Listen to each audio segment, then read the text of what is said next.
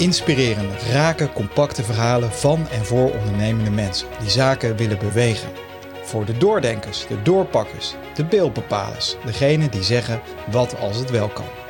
Door de korte lengte zijn deze podcasts heerlijk om te luisteren onderweg naar je werk, in de auto, trein of in de lunchpauze. Heerlijk om het vuur even aan te wakkeren. Geen klinische studio, maar altijd een opname in een levendige omgeving. Dit is de Vuurmakers Podcast.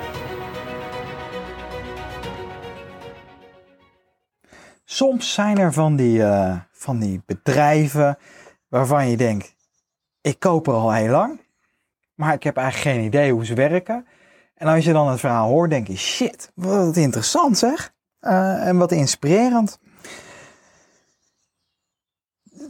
ik wil het vandaag over zo'n verhaal hebben. En het gaat over Zara's. En uh, ja, ik ben ook wel eens bij Zara's geweest. Heb wel eens wat kleding gekocht. En ik had eigenlijk geen idee hoe dat bedrijf in elkaar zat.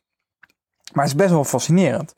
Uh, laat, laat ik beginnen met eens een, een beetje een beeld te scheppen van wat Zara's, uh, hoe Zara's, hoe groot dat is. Want het is best wel groot. 7300 winkels, 93 verschillende landen, 162.000 werknemers, 23 miljard omzet en 3,2 miljard netto winst.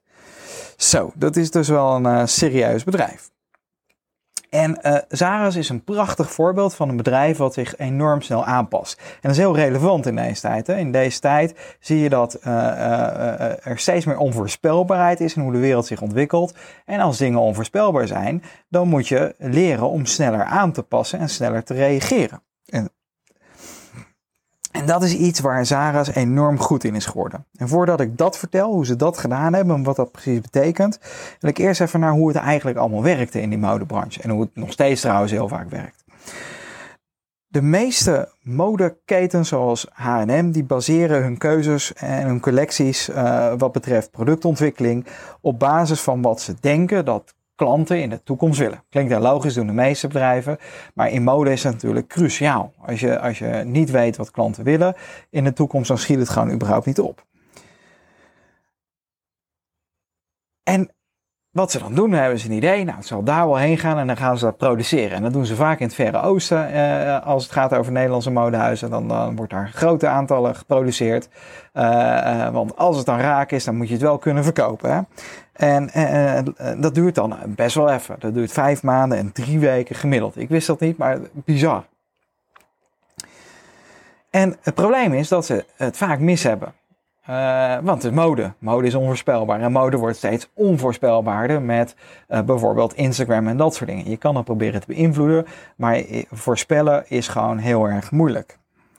Dus als je het slecht kunt voorspellen, dan moet je sneller leren en sneller reageren. En met dat idee is Zara's aan de slag gegaan. Uh, even wat dat betekent, hè? als je dus fout hebt in de modebranche, dan krijg je dus die massale uitverkoop. En dan moet je dus de helft van de geproduceerde kleding gemiddeld moet met korting worden verkocht. Dus heb je heel veel gemaakt, dan moet je de helft ervan gewoon verkopen. Zonde. Voor, voor, of tegen, tegen tarieven die helemaal niet winstgevend zijn. Nou, wat Zara's is gaan doen, in plaats van te voorspellen wat klanten zouden willen, kozen we ervoor om het vermogen om sneller te reageren uh, op wat klanten daadwerkelijk kopen, uh, dat te vergroten. En dat concept dat heeft ook een naam gekregen met de tijd. Het heet fast fashion. Nou, wat, hoe hebben ze dat gedaan? Ze hebben de leverketen korter gemaakt. Dus in plaats van productie in Azië zijn ze in Europa gaan produceren. Dichter bij de klant. En dat is hartstikke duur. Sterker nog, uh, uh, uh, als het gaat over, over duur, uh, wat Zara's doet, is niet zeg maar alles opvouwen. Dat er zoveel mogelijk in een, in een doos gaat en zoveel mogelijk in een vrachtwagen gaat. Wat natuurlijk heel belangrijk is als je van ver weg moet komen. Nee, ze stoppen het gewoon op een, op een, uh, uh, op een rek. Hangen ze het al op de kleding. Dan doen ze het zo de vrachtwagen in. Hartstikke inefficiënt. Komt zo de winkel in. Maar alles voor de snelheid. Snelheid is belangrijker dan efficiëntie.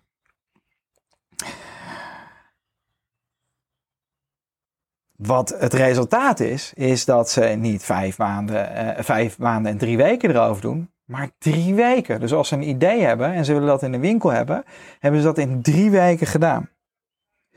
Dus wat ze dan doen, is ze produceren kleine batches op basis van waar ze denken dat het heen gaat en ze kijken of dat aanslaat. En als dat aanslaat, dan reageren ze snel door dat sneller op te schalen. Slaat het niet meer aan, doen ze het ook snel afbouwen. Dus je kunt veel sneller reageren.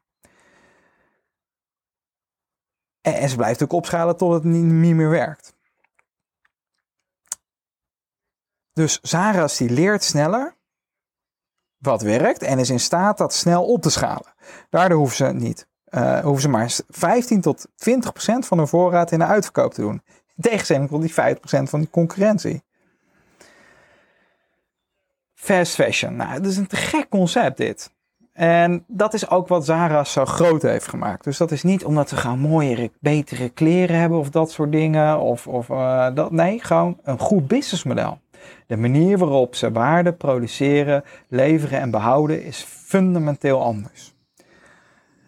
En dat zorgt ook voor fundamenteel betere winstgevendheid. Want uh, uh, de, ze hebben een winstgevendheid van 13,73% versus 2,8% gemiddeld in de branche. Bizar verschil. En dat is juist het idee van een goed businessmodel. Die zorgt dat je meer overhoudt. En als je meer overhoudt, kun je meer blijven investeren. En als je meer kunt blijven investeren, kun je op kop blijven lopen. En dat is ook waarom Zaras dus zo'n groot succes is. En waarom ik het ook zo inspirerend vind. Ze hebben echt fundamenteel dingen veranderd in hun business, uh, waardoor, uh, waardoor ze voorop lopen, waardoor ze op kop lopen. Merk je niet niks van in de winkel, behalve dat er ontzettend veel collecties zijn, kleine collectietjes. Uh, dat merk je. Veel meer dan de concurrentie. Ehm, ehm, maar daarmee is hun winstmarge natuurlijk ook weer te gek. Dus volgende keer als je in de Zaris komt, denk je, denk, beleef je dat denk ik heel erg anders. Música